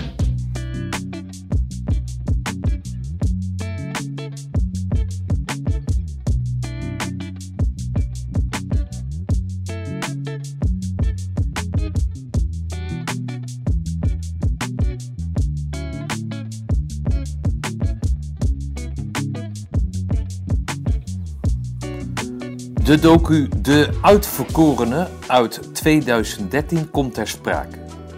Documentairemaker en journalist Geert-Jan Lasje liep een jaar mee met de elementaire militaire vorming mariniers. Dan zie je een corporaal, een sergeant en een commandant. Ze gaan die hele opleiding gaan ze volgen. Ze geven dus, maken profielen van de mensen die aan deelnemen, hè, of, of, of weet ik hoe je dat noemt. En dan aan het einde wordt de vraag gesteld, ehm, omdat er dus personeelsgebrek is. Het wordt er gezegd van nou, we zijn, vroeger waren we tevreden met een 8 en nu met een 6 zijn we al tevreden. En er wordt aan diezelfde corporaal, die wel een giga grote bek heeft, maar niet hele onzinnige teksten uitslaat, wordt vaak maar oké, dan heb jij deze kerel dus opgeleid. Hè? Zou jij dan ook met deze kerel de oorlog in, in willen, durven, kunnen? Dan zegt hij van, nou, ik heb hem opgeleid, hij is marinier. Dus ja, ik ga voor 100, en- 104% met hem in mijn rug of achter hem de oorlog in. Als jij zegt dat er zo'n groot afvalspercentage is, hoe, hoe, hoe zag jij dat dan? Of hoe zie jij dat dan? Hoe zag jij dat op dat moment als hoofdopleiding dan? Nou, geen hoofdopleiding, maar eh, mentor van eh kaderopleiding en voor groepsofficier. Met name bij de groepsofficier. Er kwam natuurlijk ook eh, datzelfde verhaal wat je zegt bij mariniers. eh kwantiteit gaat boven kwaliteit. Maar ik had toch het idee als dat iemand het voor problemen zou zorgen. Dan gingen we er toch, wat er ook gebeurde, dan zouden toch dat de, de, de hoofd van de school, zeg maar, om het toch uiteindelijk konden overtuigen om die man eh, niet door te laten gaan. Hm. Omdat hij anders in de problemen zou eh, komen. Ik heb ooit eens een keer een man in de opleiding gehad, die elke keer als hij ging speedmarsen, dan kreeg hij dusdanige hittestuwingen in zijn hoofd. En kreeg hij elke keer eh, kreeg hij stuipen. Toen, toen zei de toenmalige hoofdopleiding van, nou, we gaan toch maar proberen met die man door te gaan. We laten hem onderzoeken. Ik zeg, die vent die, die klapt elke keer in elkaar, doet dat nou niet. Die vent is niet geschikt. Hoe jammer dat we het ook voor hem vinden. Ja. Nou, hij moest door.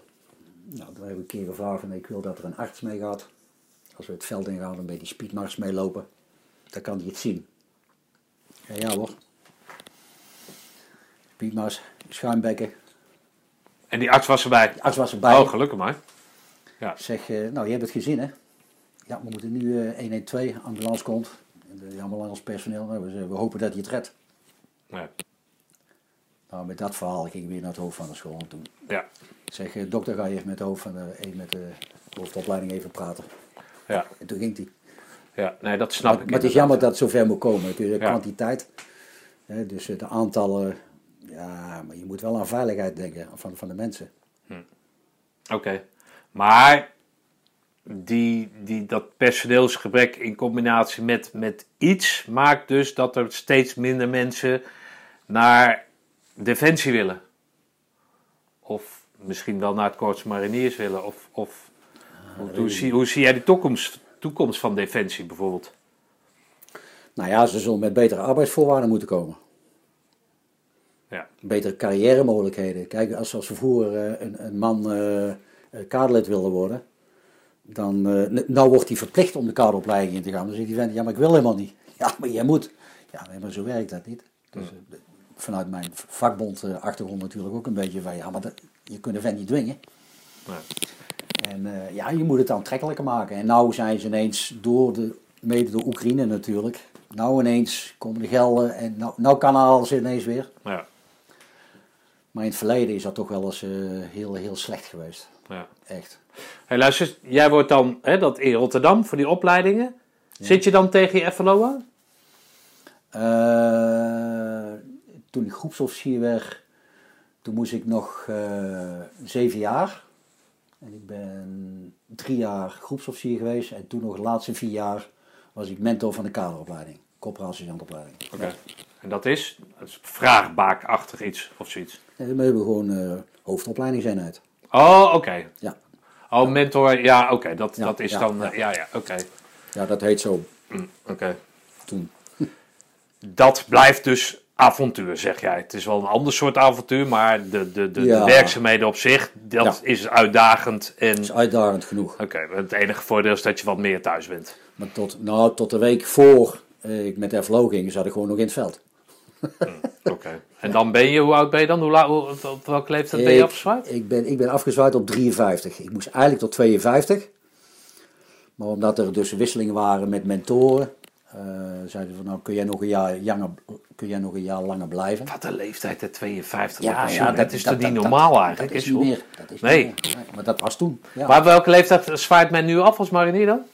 Eh, volgens mij ligt dat al op eh 7, 58 of zo, denk ik. Ah, als, het niet hoger is, hoor. Dus, eh, dat, dat weet ik niet precies. 52 man, dan heb je je hele leven nog voor je. Ja.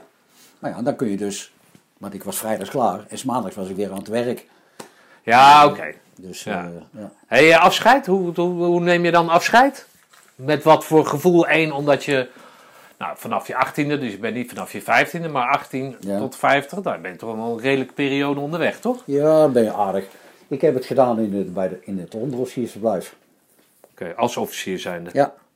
En waarom dan niet in het officiersding dan? Ja, er was bijna ook niemand binnen van de officieren. Dus eh, ja, ik zei, daar kan ik nou met twee man gaan zitten. Maar ja, dat is ook zo waar. Maar dat waren toch je vrienden, die andere officieren? Eh, ja, het waren collega's Maar ja, je bent natuurlijk toch eh, een vakbaas.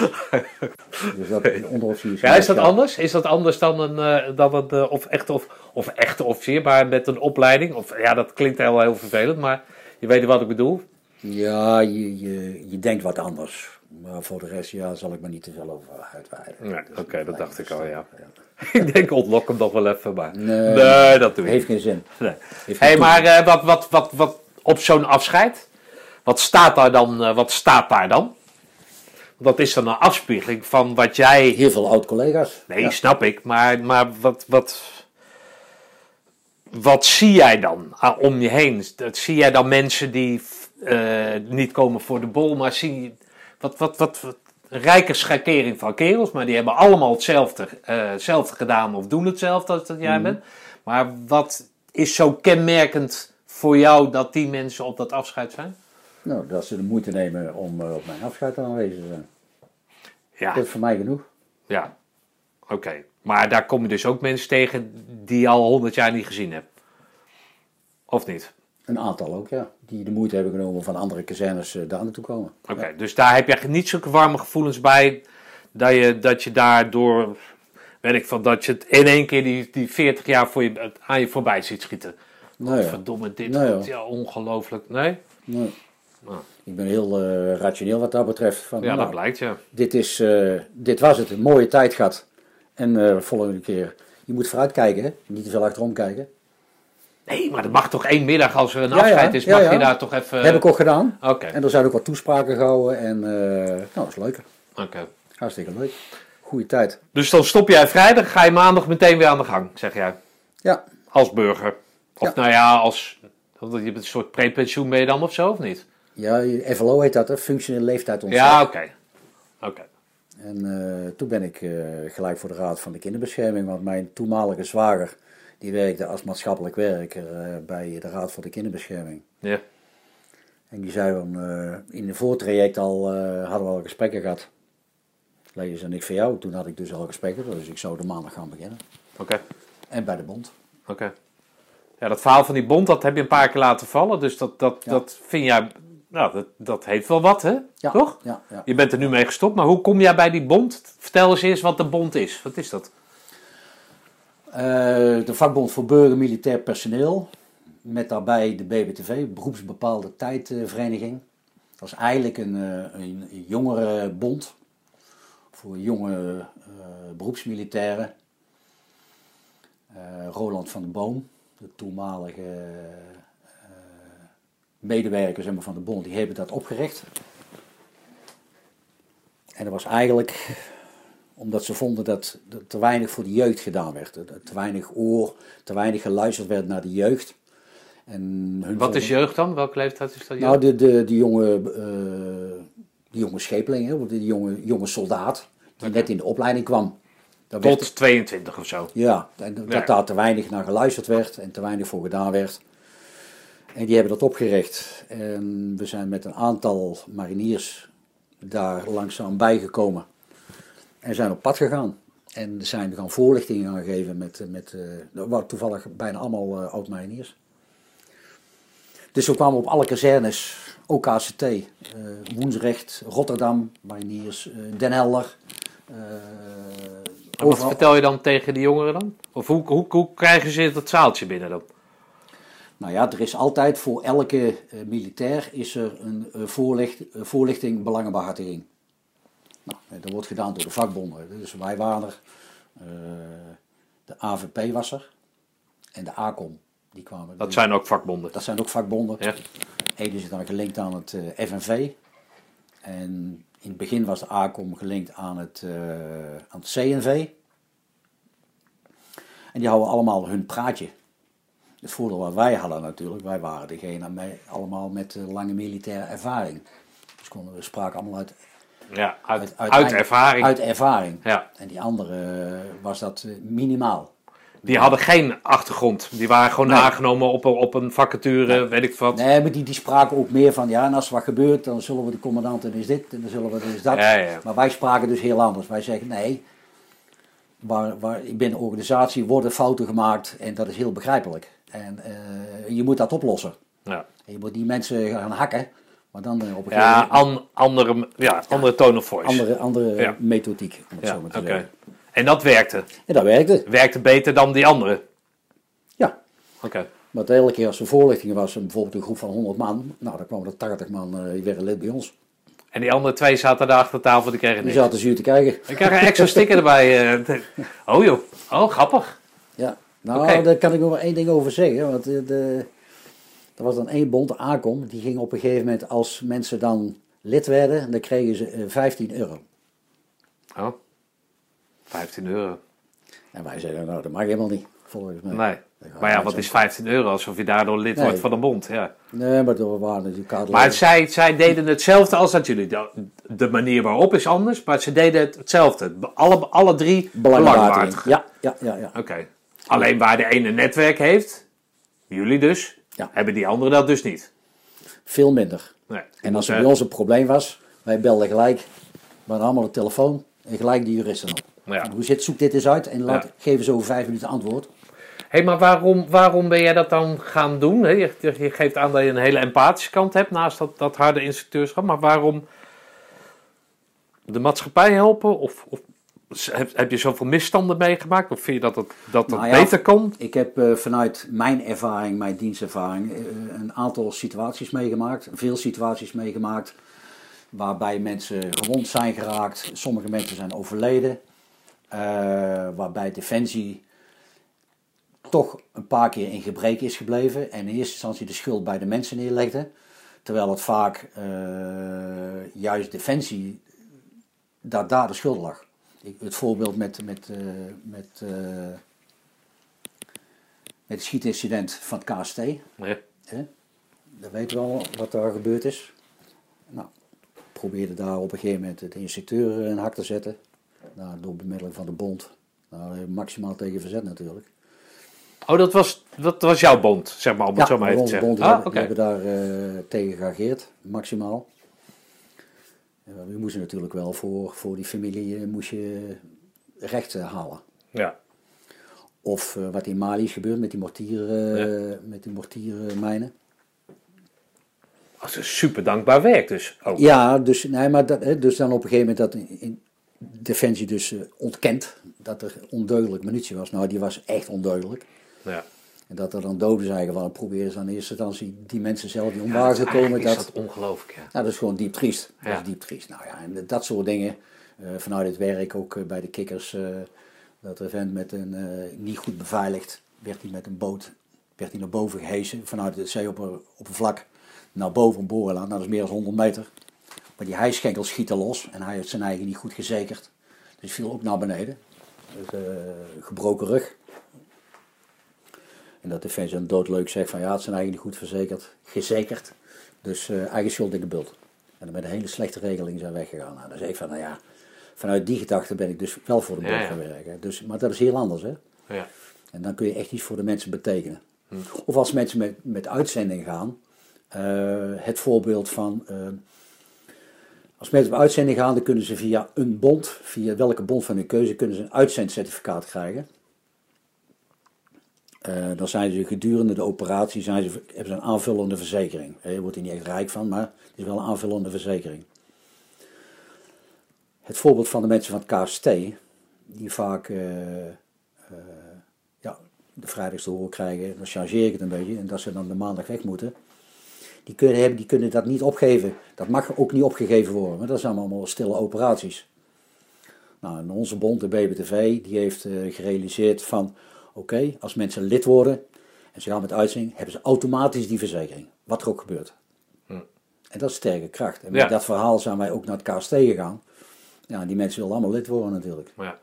Wat, wat kost, kost, kost zo'n lidmaatschap dan per jaar? Eh, een lidmaatschap van de bond is eh, de kost, eh, dat zal nu rond de 10 euro in de maand zijn. Oké, dus die, die kosten zijn te verwaarlozen voor hetgeen wat je ervoor terugkrijgt.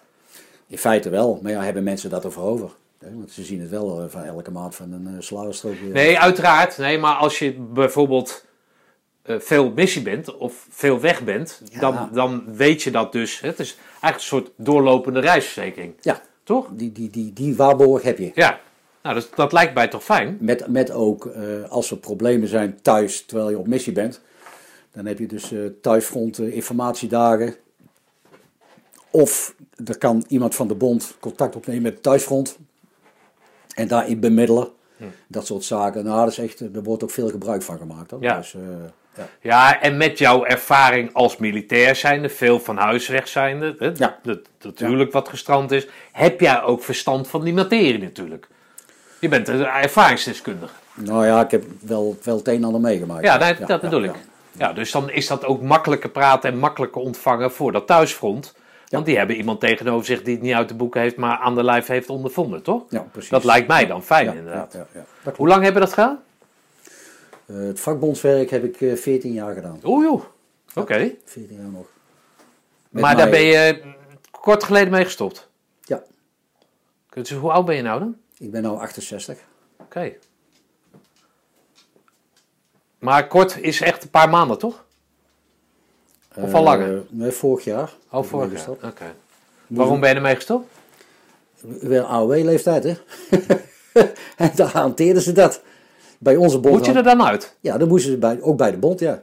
Tenminste, bij de BBTV wel. Bij de ACOM en de FNV mogen ze gewoon door. Maar Dan ga je toch naar Akom, krijg je nog 15 euro? Nee, nee, nee, nee. Nee, nee, nee, nee. Nee, dat kun je niet maken. Nee, oké. Joh, wat raar. Vind dat niet raar? Ik ben weer wat anders gedaan. Dus eh, heel simpel. Oké, wat doe je nou dan? Eh, ik werk nu op een eh, digitaal examencentrum. Oh, wat is dat? Nou, bijvoorbeeld, dat is een, je doet een cursus via het LOI of het NCI of whatever. Online cursus. Online, tegenwoordig gaat alles online. Hè. Vroeger Ja, vroeger kreeg je die boeken en zo. boeken. Ja. Maar het gaat nou allemaal online. Ja. En dan moet je examen doen. Nou, die besteden ze dan uit aan zo'n examencentrum. Dus dan, ik zit daar met een collega, doen we met z'n tweeën. Je start allerlei computersystemen op. Dus je moet nog wel een beetje wat van, van, de, van de laptops weten, zeg maar.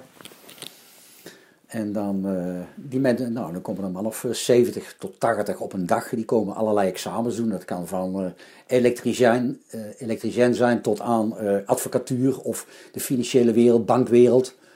Dat is gewoon een ander programmaatje opstarten. Die lui gaan dan zitten met de ruimte. Die en- maken eigen verbindingen. Ze krijgen een code op. Ja. Ze loggen, dan loggen ze in. En dan krijgen ze het examen, digitaal examen, krijgen ze, krijgen ze doorgestuurd van hun eigen opleidingsinstituut. ja. En dat, die beveiliging daaromheen en het waarborgen dat het allemaal Zonder fraude. Ja, zonder fraude. ja. Ja.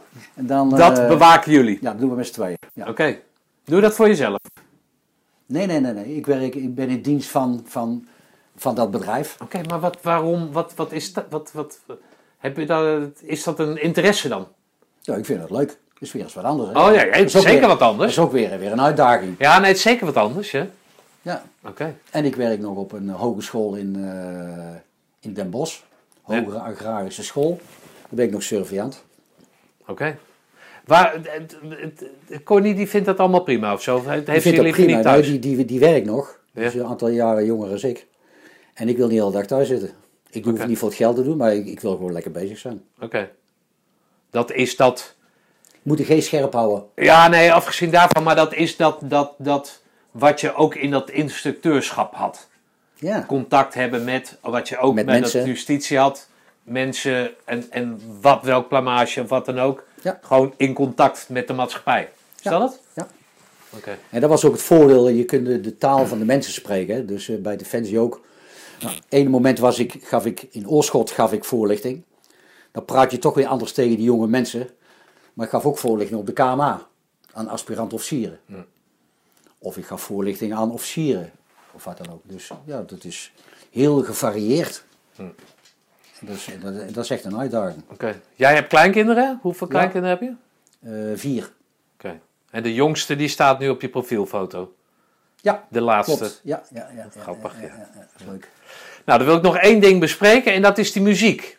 Ja, de muziek. Er zit naast een saxofoon zonder, eh, zonder hals. Ja, een heel belangrijk eh, gegeven voor mij. Heel, niet veel mensen weten dat, eh, behalve in het kikkerwereldje. En dan met de uitzending later, eh, als ik op pad ging, ik had mijn sax altijd bij. Ik heb ook heel lang les gehad. Nu heb ik weer les trouwens, maar dat heeft met improvisatie te maken. Eh, ik zit bij een aantal bands, big bands, treden ook veel op. Leuke optredens. Geen albollige muziek, maar toch echt ook moderne muziek. Eh, jazz, funk, pop, dat soort, eh, dat soort nummers allemaal. En, eh, ja, dat is een grote passie van mij. Daar kan je Maar dat is dus vanuit huis heb je dat meegekregen. Ja, vanuit huis heb ik dat zeker Was, meegekregen. was, was de saxofoon jouw eerste keuze? Nee, nee, we vroeger eerst eh, gitaar. Die lag daar nog ergens natuurlijk. Ja, ja, dat kan, maar hij stemde wel goed. En Ja. mijn broers die speelden ook gitaar, anderen speelden weer piano. ik heb nog accordeon gespeeld. Toen ging ik in dienst, heeft dat een paar jaar stilgelegen. En toen uiteindelijk eh, ben ik met saxofoon begonnen. Oké. Wat, is, wat, wat is muziek in jouw leven? Heel belangrijk. Dat is net zo belangrijk als mevrouw. Ja. Maar vertel dat verhaal eens wat je net vertelde over die big band. Die verschillende mensen van Oh verschillende ja, ja, ja, ja dat, dat, is, dat is ook zoiets. Dat is, eh, wij zeggen, eh, of tenminste dat zeg ik, muziek verbindt. Ongeacht je afkomst, ras, geloof, seksuele voorkeur, whatever. Eh, mensen zijn bij elkaar om muziek te maken. En die hebben één doel, we moeten dat muziekstuk zo mooi en zo goed mogelijk, zoals het moet zijn, eh ten gehore te brengen. Nou, en muziek verbindt. En er wordt niet zo van, ja, ja, maar jij dit of jij dat. Nee, er is nooit geen enige vorm van discussie. eh, kleur haar, kleur ogen of wat dan ook. En dat, dat is het mooie van muziek maken. Ja. Ik ben alleen maar met muziek bezig. Maar het leidt ook af. Hè? Je bent dus met iets anders bezig als de dagelijkse dingen. Dagelijkse beslommeringen. En, en muziek, daar kun je helemaal in duiken. Hoe, va- hoe, hoe lang studeer je per dag? Eh minimale uur per dag. Oké. En dat doe ik al jaren en nog steeds. Oké.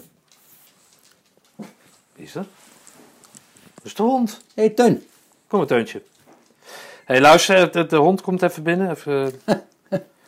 Je ja, baasje, ik heb met baasje nog nooit zo lang horen praten. Hè? Wat is die waarde van die groene beret voor jou?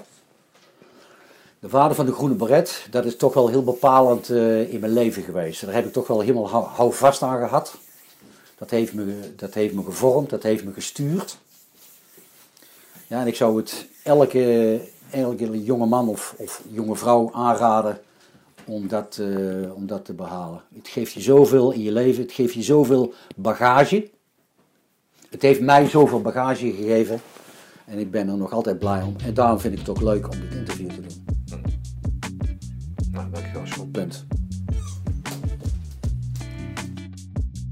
John, ik heb genoten van je verhaal, je veelzijdigheid en innemendheid. Het ga je goed. Noem koud, noem kwam.